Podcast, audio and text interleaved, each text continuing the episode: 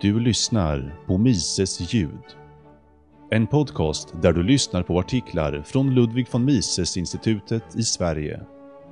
Inläsare Magnus hälsar er varmt välkomna. Idag avhandlas artikeln “Hur jag blev anarkist”. Författaren Albert J. Nock. Publicerades på mises.se 26 september 2019.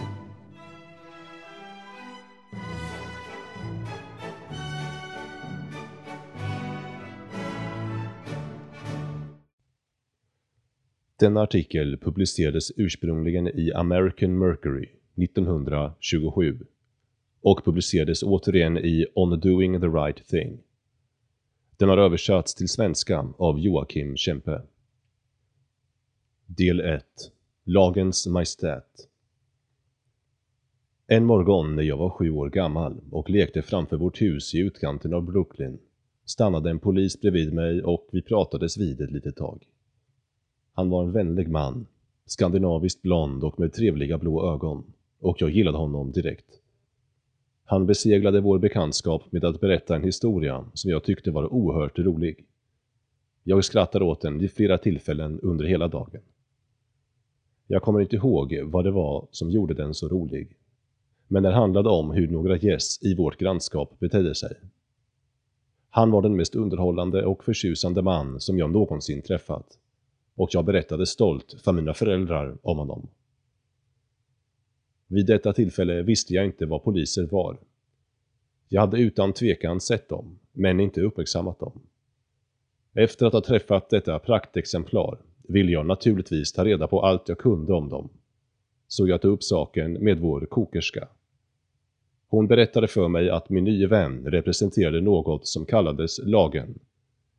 Att lagen var mycket bra och stor och att alla borde följa och respektera den. Detta var rimligt. Om det var så befann sig min beundransvärde vän på precis rätt plats och jag tänkte, om möjligt, ännu högre om honom. Jag frågade var lagen kom ifrån och det förklarades för mig att män över hela landet samlades på det som kallades valdagen och valde vissa personer till att stifta lagen och andra för att se till att den följdes och att summan av denna mekanism kallades staten. Detta var återigen precis som det borde vara. De män jag kände, som min far, min farbror George och herrarna det ena och det andra i grannskapet var väl lämpade för den här typen av saker. Och det låg förmodligen en hel del i den här idén. Men vad hade allt det här för syfte? Varför hade vi överhuvudtaget lag och stat? Senare fick jag veta att det fanns personer som kallades brottslingar. Några av dem stal. Andra skadade, eller dödade människor eller satte eld på hus. Och det var män som min vän polisens skyldighet att skydda oss mot dem. Om han såg någon skulle han fånga dem och låsa in dem. Och det skulle straffas i enlighet med lagen. Ett år senare flyttade vi till ett annat hus i samma grannskap, en liten bit bort. Vid hörnet av kvarteret, ett väldigt långt kvarter, bakom vårt hus, stod ett stort, mycket smutsigt och illa omhändertaget hus, som kallades The Wigwam. Medan jag tog in mina nya omgivningar betraktade jag denna byggnad och såg med olust på den typ av människor som tycktes göra sig hemmastadda där. Någon berättade för mig att det var ett politiskt högkvarter men jag visste inte vad det innebar och kopplade därför inte till mina tidigare efterforskningar på området lag och stat. Jag brydde mig inte särskilt mycket om The Wigwam. Mina föräldrar förbjöd mig aldrig från att gå dit, men min mamma berättade en gång för mig i förbifarten att det var nog bäst att hålla sig därifrån, och jag höll med henne. Två månader senare hörde jag någon nämna att valdagen närmade sig och jag blev genast uppspelt. Detta var alltså dagen då lagstiftarna skulle väljas. Det hade varit mycket liv kring The Wigwam den senaste tiden. Även på kvällarna la jag märke till högljudda tåg och berusade dagdrivare som baserade vårt hus, bärandes på transparenter och fotogenlampor som orsakade bolmande moln av fotogenrök. När jag frågade om meningen med detta fick jag ett kort ord till svars. Politik. Det uttalades i en föraktfull ton, men detta betydde ingenting för mig. Faktum är att det som ådrog sig min uppmärksamhet var en ångorgel i ett av de första av dessa tåg och jag tolkade det som att cirkusen hade kommit till stan. När jag fick reda på att det inte var någon cirkus blev jag besviken och jag brydde mig inte om vad annat som skulle äga rum. När jag hörde talas om valdagen gick det dock upp ett ljus för mig. Jag fick verkligen se alla de ärovördiga saker som vår kokerska hade berättat om. Alla dessa tåg bestående av skrikande ligister som svettades och stank i brittsommarens kokande värme. Alla de smutsiga saker som pågick i The Wigwam.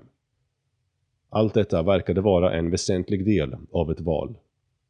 Jag märkte att de män i grannskapet som jag var bekant med inte hade en framträdande roll i detta val. Jag kommer ihåg att min farbror George röstade. Och när han kom förbi senare under samma kväll hörde jag honom säga att det var något smutsigt med att gå och rösta. Jag förstod ingenting. Inget kunde vara mer tydligt än att de ledande personerna var de mest fruktansvärda svinen och jag undrade vilken typ av magi som krävdes för att det skulle kunna skapa något så majestätiskt bra och ärovördigt som lagen. Av någon anledning höll jag dock mina frågeställningar för mig själv. Trots att jag som regel var väldigt villig att plåga äldre människor med ständiga frågor om saker som tedde sig konstiga för mig. Då bedömde jag att det var hopplöst och tänkte inte mer på den saken på tre år. En händelse under valkvällen fastnade dock i ett minne. En hängiven broder som var väldigt berusad på whisky föll ihop vid sidan av vägen, på en ledig tomt precis bakom vårt hus, på väg till The Wigwam för att vänta på valresultatet. Han låg där hela natten, mestadels komatös. Ungefär en gång i halvtimmen vaknade han upp i mörkret, plötsligt medveten om att han inte gjorde sin plikt. Han försökte sjunga refrängen till Marching through Georgia. Han kom dock inte särskilt långt innan han återigen slocknade. Det var väldigt underhållande. Han började alltid så tappert och uppriktigt och det ebbade alltid ut så ömkansvärt. Jag tänker ofta på honom. Jag måste säga att för mig ter sig hans känsla av politisk plikt fortfarande lika intelligent och kompetent som hos alla andra jag har träffat på under de många år som har gått sedan dess. Och hans sätt att uttrycka det på verkar fortfarande ungefär lika effektivt som allt annat jag skulle kunna tänka mig. Del 2 Ädla och absurda reformatorer Strax efter att jag hade fyllt 10 år lämnade vi Brooklyn och flyttade till en trevlig stad med 10 000 invånare. En föräldralös kusin bodde hos oss. En vacker flicka, som snart började dra till sig de unga männens uppmärksamhet. En av dessa var en extraordinär person som är väldigt svår att beskriva. Min far, en stor retsticka, upptäckte genast hans likhet med en schimpans och tråkade ut min kusin något fruktansvärt genom att alltid tala om honom som “Jim”. Den unge mannen var inte på något sätt populär, men ingen tyckte illa om honom. Han accepterades överallt som en källa till sann underhållning. Och av lokalbefolkningen ansågs han vara en fårskalle. En byfåne som var bortom all räddning.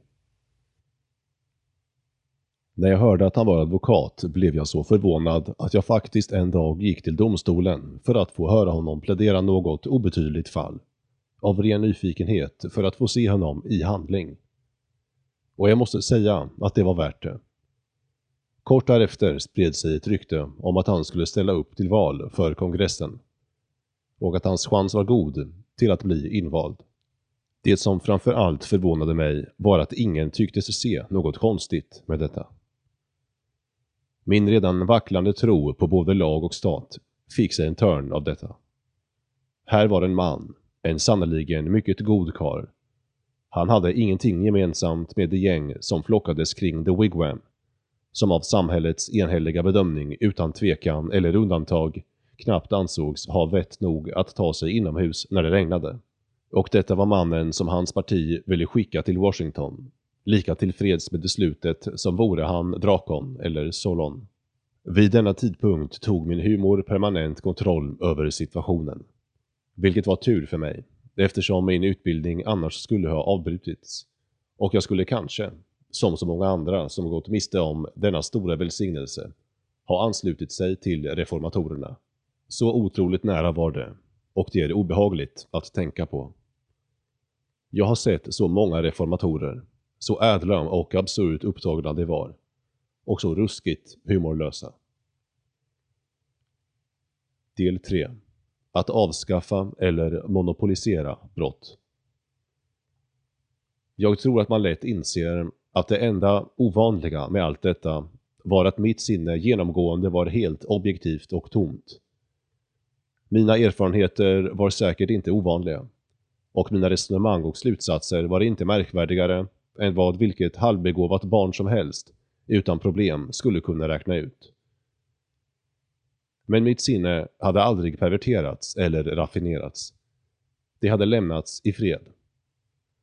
Jag gick aldrig i skolan. Och därför indoktrinerades jag aldrig med pseudopatriotiskt babbel av något slag. Således fann den enkla och naturliga sanningen i sådana frågor som jag har beskrivit raka vägen till mitt sinne utan att stöta på några konstgjorda hinder. Denna frihet fortsatte lyckligt tills mitt sinne hade mognat och härdats. När jag gick på college hade jag tur att hamna på den, förmodligen, enda i landet, där alla sådana ämnen var så avlägsna och obeaktade att det var som att de inte existerade. Jag studerade grekiska, latin och matematik och ingenting annat. Men jag studerade dessa dygnet runt. Sedan studerade jag dem igen, för att vara säker på att jag inte missade något. Sedan erhöll jag en kandidatexamen i de fria konsterna och släpptes lös. Tanken var att om man ville lära sig något mer specifikt skulle man göra det efteråt, på den grund som lagts på college. Skolans syfte var att lägga grunden och de ansvariga såg till att vår tid rikligt upptogs av just detta. Därefter var alla sådana ämnen som politisk historia, statsvetenskap och politisk ekonomi inte tillgängliga för mig under hela min ungdom och tidiga mandom. Och när väl tiden kom att jag ville undersöka dem närmare gjorde jag det på egen hand, utan instruktörers inblandning. Vilket alla personer som har genomgått en utbildning likt min är fullständigt kapabla att göra. Den tiden kom emellertid mycket senare och under tiden tänkte jag ytterst lite på lag och regering. Eftersom jag hade annat för mig. Jag levde mer eller mindre i en annan värld, upptagen med litterära studier. Ibland inträffade något som möjligen fick mig att tänka tillbaka till tidigare tankegångar, men inte ofta. Jag kommer ihåg att jag en gång stötte på ett fall med en pojke som hade dömts till fängelse. En fattig, rädd, liten pojkspoling. Som hade gjort något som inte var värre än ett rackartyg. Men det visade sig vara ett brott. Domaren sa att han ogillade att döma pojken. Det verkade vara fel sak att göra, men lagen gav honom inget annat val. Detta gjorde intryck på mig. Domaren gjorde alltså något i egenskap av tjänsteman som han inte skulle drömma om att göra i egenskap av människa. Och han kunde göra detta utan någon som helst känsla av ansvar eller obehag. Helt enkelt för att han agerade som tjänsteman och inte som människa. Det verkade som att man med denna handlingsprincip kunde begå nästan vilka brott som helst utan samvetskval. Det var uppenbart att ett stort brott hade begåtts mot den här pojken. Men ingen som hade haft en del i brottet, domaren, juryn, åklagaren, vittnet, poliserna eller fångvaktarna, kände någon som helst ansvar för det. Eftersom de inte agerade som människor, utan som tjänstemän. Det var uppenbart att allmänheten inte betraktade dem som brottslingar, utan snarare som goda och samvetsgranna män. Det slog mig då, vagt men otvetydigt, att om statens primära avsikt inte var att avskaffa brott, utan bara att monopolisera brott, kunde ingen bättre anordning skapas för att uppnå detta än just detta tankesätt hos tjänstemännen och allmänheten.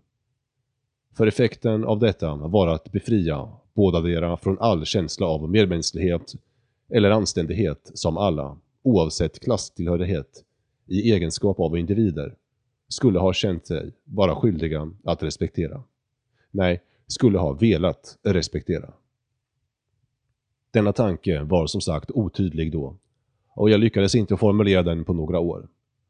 Men från den stunden tror jag aldrig att jag helt och hållet förlorade den ur sikte.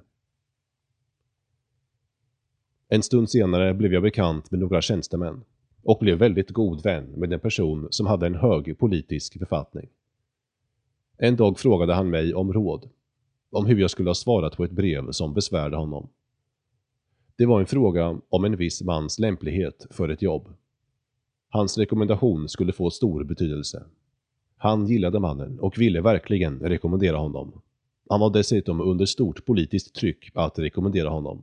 Men han tyckte inte att mannen var kvalificerad. Nåväl, föreslog jag nonchalant. Varför inte uttrycka det just så? Det verkade rättvist och enkelt. Ja, sa han. Men du förstår, om jag skrev ett sådant brev skulle jag inte bli omvald. Det här överraskade mig, och jag invände mot detta. Ja, visst är det så, fortsatte han att insistera. Men jag skulle inte bli omvald. Med avsikt att ge diskussionen en halvkomisk vändning sa jag till honom att allmänheten trots allt hade något att säga till om. Han var deras anställda tjänare och om han inte omvaldes skulle det bara betyda att allmänheten inte ville att han skulle arbeta mer för dem, vilket helt och hållet var deras rätt. Dessutom borde han se det som en komplimang om de kastade ut honom för en sådan sak. Var det inte själva verket så, att om han omvaldes skulle det betyda att han och folket inte helt förstod varandra. Han gillade inte min lättsinniga ton och avfärdade ämnet med anmärkningen att jag inte visste något alls om praktisk politik. Vilket utan tvekan var sant. Del 4. Den rådande cynismen. Kanske ett år efter detta såg jag för första gången det lagstiftande organet i handling. Jag besökte huvudstaden i ett visst land och betraktade uppmärksamt det lagstiftande arbetet. Det jag först och främst ville se var vad som mest av allt diskuterades och därefter ville jag få en så god uppfattning som jag kunde om den typ av människor som anförtrotts detta. Jag hade en vän på plats, en före detta tidningsreporter som hade suttit på pressläktaren i flera år. Han guidade mig genom regeringsbyggnaderna, tog mig överallt och visade mig allt jag bad om att få se. När vi gick igenom några korridorer i källaren på Kapitoliet anmärkte jag på resonansen mellan stenväggarna. Ja, sa han tankeväckande. Dessa väggar har genom årens lopp ekat ljuden från de vingliga fotstegen hos mången berusad statsman. Hans ord besannades blott några ögonblick senare, när vi hörde ett fasansfullt oväsen längre fram, vilket vi upptäckte kom från ett stort rum, kanske ett kommittérum i korridoren. Eftersom dörren var öppen stannade vi och tittade in, och vi fick oss en märklig syn. I mitten av rummet dansade en rödlätt, fyrkantig, fetlagd man. En dans som var något utöver det vanliga. En kazakisk dans. Han hoppade rakt upp och nådde en otrolig höjd, snurrade runt, stampade med fötterna, hukade sig plötsligt och hoppade flera takter i en hukande position, med händerna på knäna och hoppade sedan upp i luften och snurrade runt igen. Han frustade som en kalkontupp och gav emellan ifrån sig grova skrikljud. Hans uttjutande och brännande ögon var blodsprängda och blodådrorna på hans hals och panna trängde ut som strängar till en basfiol. Han var berusad. Cirka ett dussin andra, även de mycket berusade, stod runt honom i hukande ställningar. Några klappade händerna och andra klappade på knäna i takt till dansen. En av dem såg oss i dörren, kom fram till oss och började svamla om något som rörde hans valkrets. Han var en otäck människa. Jag har sällan stött på något så motbjudande. Jag förstod inte något av det han sa. Det var knappt sammanhängande. Och när han uttalade vissa stavelser dreglade och spottade han. Så jag var mer upptagen med att hålla mig utanför hans räckvidd än av att lyssna på honom. Han fortsatte att försöka uppehålla mig. Och jag fortsatte att röra mig bakåt. Han hade backat mig 30 meter in i korridoren när min vän dök upp och tog mig därifrån. Och när vi återupptog vår promenad i korridoren sa min vän tröstande till mig. Man behöver nästan skydda sig med en regnrock när han pratar, även när han är nykter. Jag fick veta att denne man var intresserad av att plundra viss värdefull offentlig mark. Ingen hade någonsin hört talas om att han var intresserad av något annat.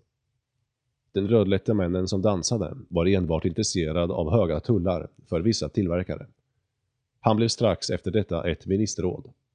Under hela min vistelse slog det mig hur mycket av lagstiftningens verkliga verksamhet som kunde kvalificeras i denna kategori. Hur mycket, det vill säga, som hade att göra med att placera oförtjänta pengar i vissa människors fickor och vilken oregelbundenhet och likgiltig uppmärksamhet lagstiftarna ägnade all annan typ av verksamhet. Jag blev ännu mer imponerad av den förhärskande cynismen. Att de faktiskt tycktes acceptera det som Voltaire sagt. Att staten enbart är ett sätt att ta pengar ur en persons fickor och ge dem till någon annan. Del 5 Statens anomalier dessa vardagliga erfarenheter fick mig att stanna upp och ifrågasätta vissa berömda mäns uttalanden, när jag senare stötte på dem. Uttalanden som annars skulle ha passerat mig förbi utan vidare tankar. När jag stötte på Lincolns uttryck att politikers väg är långt ifrån ärlig gav det mig ett problem. Jag undrade varför just detta måste vara sant, om det nu är sant. När jag läste Jeffersons kommentar att när en man väl har kastat en trånande blick på ett politiskt ämbete slår en röta rot i honom. Erinrade jag mig domaren som dömde pojken och min bekante, som var så mån om att bli omvald. Jag försökte åter att förstå deras ståndpunkt och i största möjliga mån sätta mig i deras situation och ansträngde mig väldigt mycket för att göra en välvillig tolkning. Jag kom att tänka på min första bekantskap med ett parlamentariskt organ när jag läste John Brights uppgivna iakttagelse att han emellanåt såg det brittiska parlamentet göra något bra. Men aldrig just för att det var bra. Under tiden hade jag observerat många lagstiftande församlingar och deras huvudsakliga syssla och främsta angelägenhet tedde sig för mig precis som det allra första som jag såg och även om det inte bestod av högljudda och motbjudande odågor, var de så ofattbart odugliga att man var tvungen att se det för att kunna tro det. Jag kan inte tänka mig en kraftfullare intellektuell stimulans än att sitta som åskådare under den innevarande kongressen, fundera över dess medlemmar och sedan erinra sig om uttalanden från Lincoln, Jefferson och John Bright. Jag tyckte att det var mycket märkligt att dessa fenomen aldrig tycktes väcka någon som helst intellektuell nyfikenhet hos någon. Så vitt jag vet finns det inget bevis på att det någonsin gick upp för Lincoln att det blotta faktum han hade påpekat var tillräckligt slående för att behöva förklaras. Inte heller Jefferson, vars intellektuella nyfikenhet var nära på gränslös. Inte heller John Bright. Det allra konstigaste var människorna i min närhet. De avskydde politik. Deras vanliga uttryck, åh, det är bara politik, gällde alltid något som de i andra sammanhang skulle kalla sjaskigt och förnedrande. Men de frågade sig aldrig varför det var så att de enbart i detta fall såg sjaskigt och förnedrande beteende som något självklart. Det var ännu mer konstigt eftersom samma människor fortfarande på något sätt antog att politik fanns till för att främja de högsta samhälleliga målen. De antog att statens främsta syfte var att genom lämpliga institutioner främja medborgarnas allmänna välfärd. Detta antagande, oavsett vad det verkligen innebär, var grunden till deras patriotism. Och de höll fast vid det med en ihärdighet som vid minsta provokation blev hämndlysten och fanatisk. Likväl var de alla medvetna om, och om det pressades, kunde de inte låta bli att erkänna, att mer än 90% av statens energi användes i direkt motsats till den allmänna välfärden. Därför kan man säga att de tycktes ha en uppsättning trossatser för vardagar och en annan för söndagar. Och de frågade aldrig sig själva vilka faktiska skäl de hade för att ha dem heller. Jag visste inte hur jag skulle hantera detta och jag vet det fortfarande inte. Låt mig dra en grov parallell. Anta att ett stort antal människor studerar en maskin som de har fått höra var en plog. Och en mycket värdefull sådan. De skulle sannerligen inte vilja leva utan den. Vissa sa till och med att den på något sätt hade nedstigit från himlen. Maskinen gav upphov till både stolthet och avundsjuka. Och de var beredda att ge sina liv om de trodde att den var i fara. Ändå var det uppenbart för alla som tittar på den att den inte kommer att plöja väl, oavsett vilka händer som driver den. Och faktum är att den knappt plöjer alls. Ibland plöjer den med enorma svårigheter och med kontinuerligt pillande och fixande kan den få oss till att skrapa en slags fåra. Dåligt gjord och kort. Knappast användbar och löjligt oproportionerlig med tanke på hur mycket det kostat och hur smärtsamt det var att åstadkomma. Å andra sidan harvar maskinen perfekt, nästan av sig själv. Den ser ut som en harv, har en harvs historia och även de mest insiktsfulla ansträngningar görs för att få den att fungera som en plog. Kvarstår den, med undantag av 6-8% effektivitet, att agera som en harv. Visst skulle sådant skådespel göra att en intelligent varelse började ställa frågor om maskinens ursprungliga syfte. Var det verkligen en plog? Var den någonsin tänkt att plöja med? Var den inte utformad och konstruerad för harvning? Likväl väcker ingen av de anomalier som jag hade observerat någonsin några frågor om statens natur och dess ursprungliga syfte. Det togs bara för givet. I bästa fall tillskrivs det den mänskliga naturens ofullkomligheter, vilket gör att alla bra institutioner förr eller senare alltid vansköts eller perverteras. Men detta är absurt, eftersom man inte kan hitta samma anomalier i andra mänskliga institutioner. Det är inte enbart min åsikt, det är ett öppet och tydligt faktum att det är så.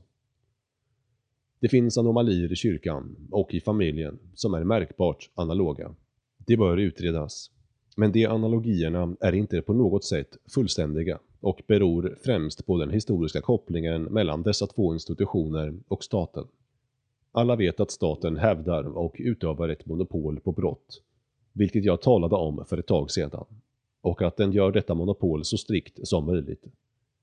Den förbjuder privat mord, men organiserar själv mord i en enorm omfattning. Den straffar privat stöld, men lägger själv skrupelfritt händerna på allt den kommer åt. Oavsett om egendomen tillhör inhemska medborgare eller utlänningar. Det finns ingen mänsklig rättighet, naturlig eller konstitutionell, som vi inte har sett staten åsidosätta. Av alla brott som begås för vinst eller hämnd finns det inte något som vi inte har sett den begå.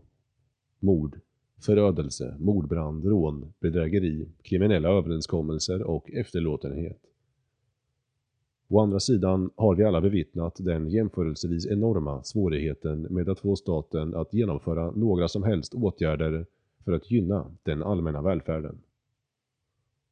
Jämför svårigheten att få till stånd en fällande dom i fall av ämbetsbrott och i ett fall av en mindre privat förseelse. Jämför Teapot Dome-skandalen med statens obstruktionistiska beteende gentemot en nationell lag mot barnarbete. Anta att man försökte få staten att upprätta samma skyddsåtgärder kring tjänsteinkomster som den helt utan påtryckningar upprättar kring kapitalinkomster. Vilken chans skulle man ha? Misstolka mig inte och tro att jag tar upp dessa frågor för att klaga. Jag bryr mig inte om sådant.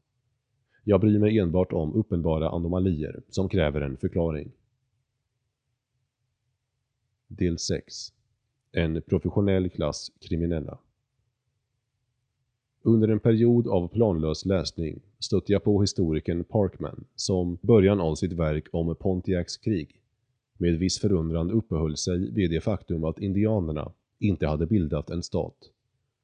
Även Jefferson, som kände indianerna väl, påpekade samma sak att de levde i ett ganska välorganiserat samhälle, men de hade aldrig bildat en stat. Bicknell, historikern från Rhode Island, har skrivit några intressanta stycken som berör samma poäng och antyder att konflikterna mellan indianer och de vita möjligen till stor del berodde på ett missförstånd om besittningsrätt. att indianerna, som inte visste något om det brittiska systemet för innehav av land, endast såg sin markförsäljning och sina markgåvor som att det gav det vita tillståndet till samma gemensamma markanvändning som de själva åtnjöt. Jag lade också märke till att Marx ägnade mycket utrymme i Das Kapital åt att bevisa att ekonomisk exploatering inte kan äga rum i något samhälle förrän den utnyttjande klassen har fått sin mark exproprierad. Dessa observationer väckte min uppmärksamhet eftersom de eventuellt kastade nytt ljus på statens natur och primära syfte. Och jag såg till att notera detta. Vid denna tid var jag en hel del i Europa. Jag var i England och Tyskland under Tangierincidenten och studerade omständigheterna och förhållandena som ledde fram till kriget. Mina faciliteter för detta var exceptionella och jag använde dem flitigt. Här såg jag staten bete sig precis som jag hade sett den bete sig hemma. Vidare, när jag erinrade mig 1700-talets politiska teorier och hur mycket folk förväntade sig av dem, slog det mig att stater som var republiker, konstitutionella monarkier och autokratier betedde sig precis likadant. Detta har aldrig påpekats tillräckligt. Det finns ingen praktisk åtskillnad mellan England, Frankrike, Tyskland och Ryssland. I alla dessa länder agerade staten helt konsekvent och med osviklig regelbundenhet mot den överväldigande majoriteten av dess folk. Statens handlingar var i alla dessa länder sannerligen så upprörande och skändliga att dess administrativa tjänstemän, i synnerhet dess diplomater, omedelbart om det gällde något annat skulle ha klassats som yrkeskriminella. Precis som motsvarande tjänstemän i mitt eget land, vilket jag redan nämnt. Det är faktiskt anmärkningsvärt beträffande allt som har hänt sedan dess.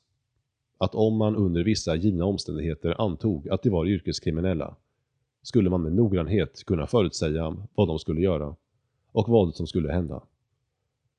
Medan man på grundval av något annat antagande inte skulle kunna förutsäga någonting alls. Mina egna förutsägelser under kriget och under hela fredskonferensen var enbart korrekta i den mån de grundades på detta antagande. Det liberala partiet hade makten i England 1911 och min uppmärksamhet drogs till dess trossatser. Jag hade redan sett något av liberalismen i Amerika som en slags glorifierade mugwumps. Cleveland-administrationen hade långt tidigare bevisat det alla redan visste. Att det inte finns någon väsentlig skillnad mellan de republikanska och demokratiska partierna. Ett val innebar enbart att det ena hade makten och ville behålla den. Och det andra hade inte makten och ville ha den. Jag såg exakt samma förhållande råda mellan de två stora partierna i England och jag skulle senare se samma förhållanden upprätthållas av Mr Ramsey MacDonald från Labour. Alla dessa politiska permutationer resulterade endast i vad John Adams beundransvärt kallade ett byte av bedragare. Jag var främst intresserad av liberalismens grundläggande teori. Denna tycktes vara att staten inte var värre än en förfallen eller perverterad institution, vars ursprungliga avsikt var god och att det var möjligt att fixa den genom att helt enkelt se till att rätt personer fick makten. Jag hade redan sett detta experiment försökas i olika omfattning och observerade att det aldrig blev någonting av det som motsvarade förväntningarna eller ansträngningarna. Senare skulle jag se det försökas i en aldrig tidigare skådad skala. För nästan alla regeringar som deltog i kriget var liberala. Särskilt den engelska och vår egen. Dess katastrofala resultat i fallet med Wilson-administrationen är alltför välkända för att behöva nämnas. Jag vill dock vara väldigt noga med att påpeka att vad det gäller alla former av politiskt bedrägeri ansåg jag alltid liberalismen vara den allra mest bedrägliga, eftersom den var den mest pretentiösa och vilseledande. Resultatet av mina observationer var emellertid att visa mig att oavsett om staten låg i händerna på liberaler eller konservativa, republikaner eller demokrater, och oavsett om det handlade om nominell konstitutionalism, republikanism eller autokrati, verkade statens mekanism fritt och naturligt i blott en riktning, nämligen i motsats till folkets allmänna välfärd. Del 7. Statens ursprung jag påbörjade en resa att ta reda på allt jag kunde om statens ursprung för att se om det någonsin var tänkt att fungera på ett annat sätt. Och då stötte jag på ett mycket märkligt faktum. Alla de nuvarande populära antagandena om statens ursprung vilade på rena gissningar, inte på seriösa efterforskningar. De avhandlingar och läroböcker som fann sin väg till mig baserades också på gissningar. Vissa gissade att staten ursprungligen bildades genom ett samhälleligt avtal, på det ena eller andra sättet. Andra, genom en slags virrig empirism. Andra, genom Guds vilja, och så vidare. Uppenbarligen hade ingen av dessa tagit sig tid nog att gå tillbaka så långt som möjligt i historien för att fastställa hur den faktiskt hade bildats och i vilket syfte. Det verkade som om tillräckligt med information måste finnas tillgängligt. Till exempel var bildandet av den amerikanska staten relativt nära i historien. Och det borde vara möjligt att ta reda på mycket om den. Följaktligen började jag titta runt för att se om någon någonsin, någonstans, hade gjort en sådan utredning och i så fall vad den kom fram till. Jag upptäckte att detta faktiskt hade undersökts med vetenskapliga metoder och att alla forskare på kontinenten var medvetna om det. Inte som något nytt eller häpnadsväckande, utan som något som var allmän kunskap. Staten hade inte sitt ursprung i någon form av socialt avtal eller med något objektivt mål att främja ordning och rättvisa. Raka motsatsen. Staten hade sitt ursprung i erövring och konfiskation. Ett verktyg med syfte att permanent upprätthålla stratifieringen av samhället i två klasser. En relativt liten ägande och exploaterande klass. Och en stor egendomslös och beroende klass. Vilken sorts ordning och rättvisa som upprätthölls var oväsentligt och underordnad detta syfte. Staten var inte intresserad av något som inte tjänade detta syfte. Och den motsatte sig upprättandet av allt som stred mot den. Ingen stat i historien har sitt ursprung på något annat sätt eller för något annat syfte än att kontinuerligt möjliggöra för en klass att ekonomiskt exploatera en annan klass. Detta förklarade genast alla de anomalier som jag hade funnit så besvärliga. Det var direkt uppenbart varför, till exempel, jägarfolken och de primitiva bönderna aldrig bildade en stat. Primitiva bönder ackumulerade aldrig tillräckligt mycket för att vara värda att stjäla ifrån. De levde ur hand i mun. Jägarfolken i Nordamerika bildade aldrig en stat eftersom jägaren inte var exploaterbar. Det fanns inget sätt att få en annan man att jaga åt dig. Han gick bara ut i skogen och glömde att komma tillbaka. Och om han exproprierades från vissa jaktmarker sökte han sig bara vidare bortom dem. Eftersom territoriet var så stort och befolkningen så gles. På samma sätt, eftersom statens egen huvudsakliga avsikt var kriminell, var det uppenbart varför den bara brydde sig om att monopolisera, men inte stoppa, brott. Detta förklarade tjänstemännens konstiga beteende och varför det var så att de i sin officiella utövning, oavsett hur de betedde sig privat, av nödvändighet betedde sig som yrkeskriminella. Och det förklarade dessutom varför staten aldrig arbetade för det allmänna bästa, förutom motvilligt och under stora påtryckningar.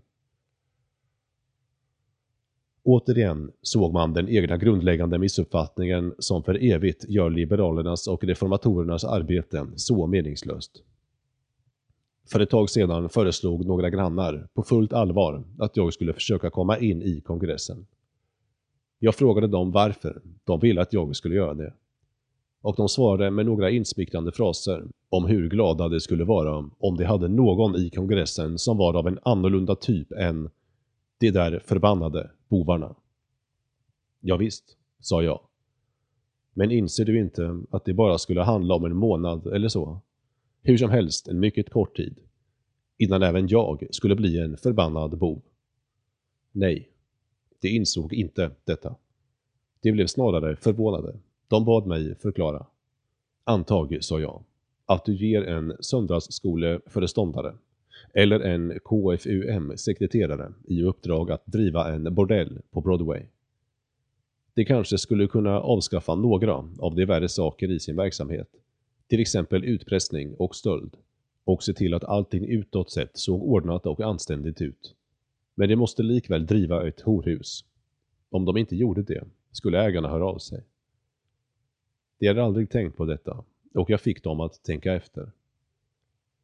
Slutligen blev det möjligt att förstå orsaken till den fråga som allra mest förbryllade mig när jag först observerade en lagstiftare i handling. Nämligen lagstiftarnas nästan uteslutande arbete med att ta pengar ur vissa fickor och placera dem i andra.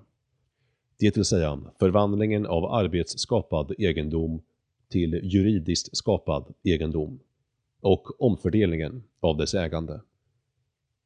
I det ögonblick man blir medveten om att det är just detta, utöver rent juridisk fördelning av äganderätten till naturresurser som staten skapades för och orsaken till att den fortfarande existerar, inser man omedelbart att lagstiftningsorganen agerar helt och hållet som sig bör. Och att man utan denna insikt omöjligen, på ett intelligent sätt, kan begripa sig på deras beteende. Om vi talar i rent tekniskt ekonomiska termer finns det två sätt för människor att tillgodose sina behov och önskemål. Den ena är genom arbete, det vill säga genom att tillämpa arbetskraft och kapital på naturresurser för att framställa rikedom eller för att underlätta utbytet av arbetsprodukter. Dessa kallas de ekonomiska medlen. Det andra är genom stöld, det vill säga att beslagta andras arbetsprodukter utan kompensation. Detta kallas de politiska medlen. Staten, om vi ser till dess funktion, kan beskrivas som organiserandet av de politiska medlen, vilket möjliggör för en relativt liten klass av mottagare att tillgodose sina behov och önskemål genom att utöva skattemakten, som inte har något stöd i naturrätten, såsom privat ägande, tullar, rösträtt och liknande. Det är en primär instinkt hos människan att tillfredsställa sina behov och önskemål med minsta möjliga ansträngning. Alla tenderar instinktivt att använda de politiska medlen snarare än de ekonomiska medlen, om de kan göra det. En tull är till exempel ett önskemål om att beröva den inhemska konsumenten skillnaden mellan priset på en vara i en konkurrensutsatt och en icke konkurrensutsatt marknad. Alla tillverkare vill ha detta stöldprivilegium om de kan få det, och de vidtar åtgärder för att få det om de kan vilket illustrerar den kraftfulla instinkten att vilja klättra ut ur den utnyttjade klassen, som lever av de ekonomiska medlen. De är utnyttjade, eftersom kostnaden för detta privilegium alltid måste komma ur produktion. Det kan inte komma någon annanstans ifrån. Till klassen som helt eller delvis lever av de politiska medlen. Det är denna instinkt, och enbart denna, som ger staten sin nästan ogenomträngliga styrka. I det ögonblick man upptäcker detta förstår man den nästan universella benägenheten att förhärliga och förstora staten och insistera på att den är något som den inte är. Något, i själva verket, som är direkt motsats till vad den är. Man förstår det självklara accepterandet av en typ av beteende för staten och en annan typ av beteende för privata organisationer en typ av beteende för tjänstemän och en annan typ av beteende för privatpersoner. Man förstår med en gång pressens, kyrkans och utbildningsinstitutionernas attityder. Deras noggranna inpräntande av en besynnerlig sorts patriotism. Deras nervösa och hämndgiriga förbud av åsikter, tvivel eller till och med frågeställningar. Man ser varför rent fiktiva teorier om staten och dess verksamhet med kraft ofta hårt och våldsamt vidhålls. Varför de enkla grunderna i den mycket enkla ekonomiska vetenskapen döljs eller ignoreras. Och slutligen varför de som verkligen vet vilken typ av sak de förkunnar avskyr att erkänna det. Del 8 Efter revolutionen, Napoleon Utbrottet av kriget 1914 fick mig att överväga de övertygelser som jag här har beskrivit. Under det kommande decenniet har ingenting inträffat som har gett mig skäl att tvivla. Snarare tvärtom. Efter att enbart ha skrivit detta med avsikt att berätta historien om hur jag kom fram till att inneha dessa övertygelser, och inte för att utveckla dem eller vara polemisk, kan jag nu avsluta denna berättelse med några ord om deras praktiska resultat. Det har ibland påpekats att det var konstigt att jag aldrig deltog i någon uppvigling eller tog mig an rollen som propagandist mot staten. I synnerhet under den tid jag hade exempellös möjlighet att göra så. För att göra någonting av detta slag framgångsrikt måste man ha mer förtroende för sådana processer än jag har. Och man måste också ha ett visst dogmatiskt temperament, vilket jag inte har. Uppriktigt sagt har jag aldrig varit särskilt förtjust i att evangelisera. Jag är inte tillräckligt säker på att jag har rätt, och även om jag har rätt är en begagnad åsikt inte mycket värt. Det är endast förnuftet och erfarenheten som avgör vår sanna tro. Således brydde jag mig inte så mycket om huruvida människor tänkte som jag. Och inte heller försökte jag särskilt mycket att få dem att göra det. Jag vore glad om de tänkte. Om de var lite mer benägna att tänka. Och lite mindre benägna att handla impulsivt och ogenomtänkt. Och jag tror att jag har gjort vad jag har kunnat för att förespråka tänkande. Enligt mina iakttagelser, som är allt jag har att gå efter, är det bättre att inget göra än att göra fel sak, eller göra rätt sak för tidigt. Och effektivt rätt handlande kan endast följa av rätt tänkande. Om en stor förändring ska äga rum, sa Edmund Burke i sina sista ord om den franska revolutionen, kommer människors sinnen att anpassas till den. Annars blir det inte bra. Och de processer som människors sinnen anpassas efter ter sig för mig outgrundliga och obestämbara. Det enda som man med säkerhet kan säga om dem är att andelen som någon person eller rörelse kan påverka är extremt liten.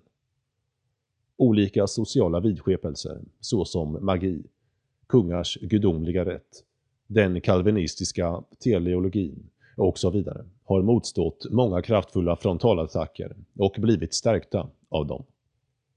När de slutligen försvann var det inte för att de attackerades. Människor slutade helt enkelt att tänka i dessa banor. Ingen visste precis när eller varför och ingen var ens medveten om att de hade slutat. Så jag tror att det är mycket möjligt att medan vi säger se här och se där, med fokus på den ena och den andra revolutionen, övergrepp, maktbeslag eller vad som helst, håller de vidskepelser som omger staten tyst på att försvinna på samma sätt. Vad jag tycker om min egen stat och det som tjänstgör i den kan säkert härledas från det jag har skrivit. Jefferson sa att om en maktcentralisering någonsin genomfördes i Washington skulle USA ha den mest korrumperade regeringen på jorden. Jämförelser är svåra, men jag tror att USA har en regering som är rakt igenom korrumperad, kriminell, tyrannisk, förtryckande. Men om det var i min makt att riva ner hela strukturen över en natt och inrätta en annan regering efter mina egna tankar, att helt och hållet avskaffa staten och ersätta den med en organisation av de ekonomiska medlen, skulle jag inte göra det. För folkets sinnen skulle inte klara av en så stor förändring och effekten av detta skulle bara vara att öppna vägen för ännu värre övergrepp. Eller vem vet? Kanske skulle jag vara den som utförde övergreppen. Efter den franska revolutionen, Napoleon. Stora och välgörande samhälleliga förändringar som i slutändan inte kostar mer än det är värda sker inte på grund av politiska förändringar, rörelser, program eller plattformar och minst av allt av våldsamma revolutioner, utan av sunt och objektivt tänkande. De som tror att handling är vägen är många. Deras evangelium predikas vitt och brett. De har många följeslagare. Kanske finns det, bland de som här har läst vad jag har skrivit, två eller tre som håller med mig om att de som tror på handling inte behöver oss. Om vi gick med dem skulle vi enbart vara dödvikt som de tvingades bära. Vi behöver inte förneka att deras arbete är lärorikt, eller hålla hårt i pengarna när vi räknar upp hur mycket de oundvikliga reaktionerna mot dem kommer att kosta. Vi behöver endast påpeka att vår plats och funktion bland dem inte är uppenbar, och sedan fortsätta på vår egen väg, Först med det obskyra och extremt svåra arbetet med att rensa upp och upplysa våra egna sinnen och sedan med det andra arbetet. Vilket är att emellanåt ge all hjälp vi kan erbjuda till andra vars tro, likt vår egen, är mer inriktad på tänkandets helande kraft än det obetänksamma handlandets osäkra konsekvenser.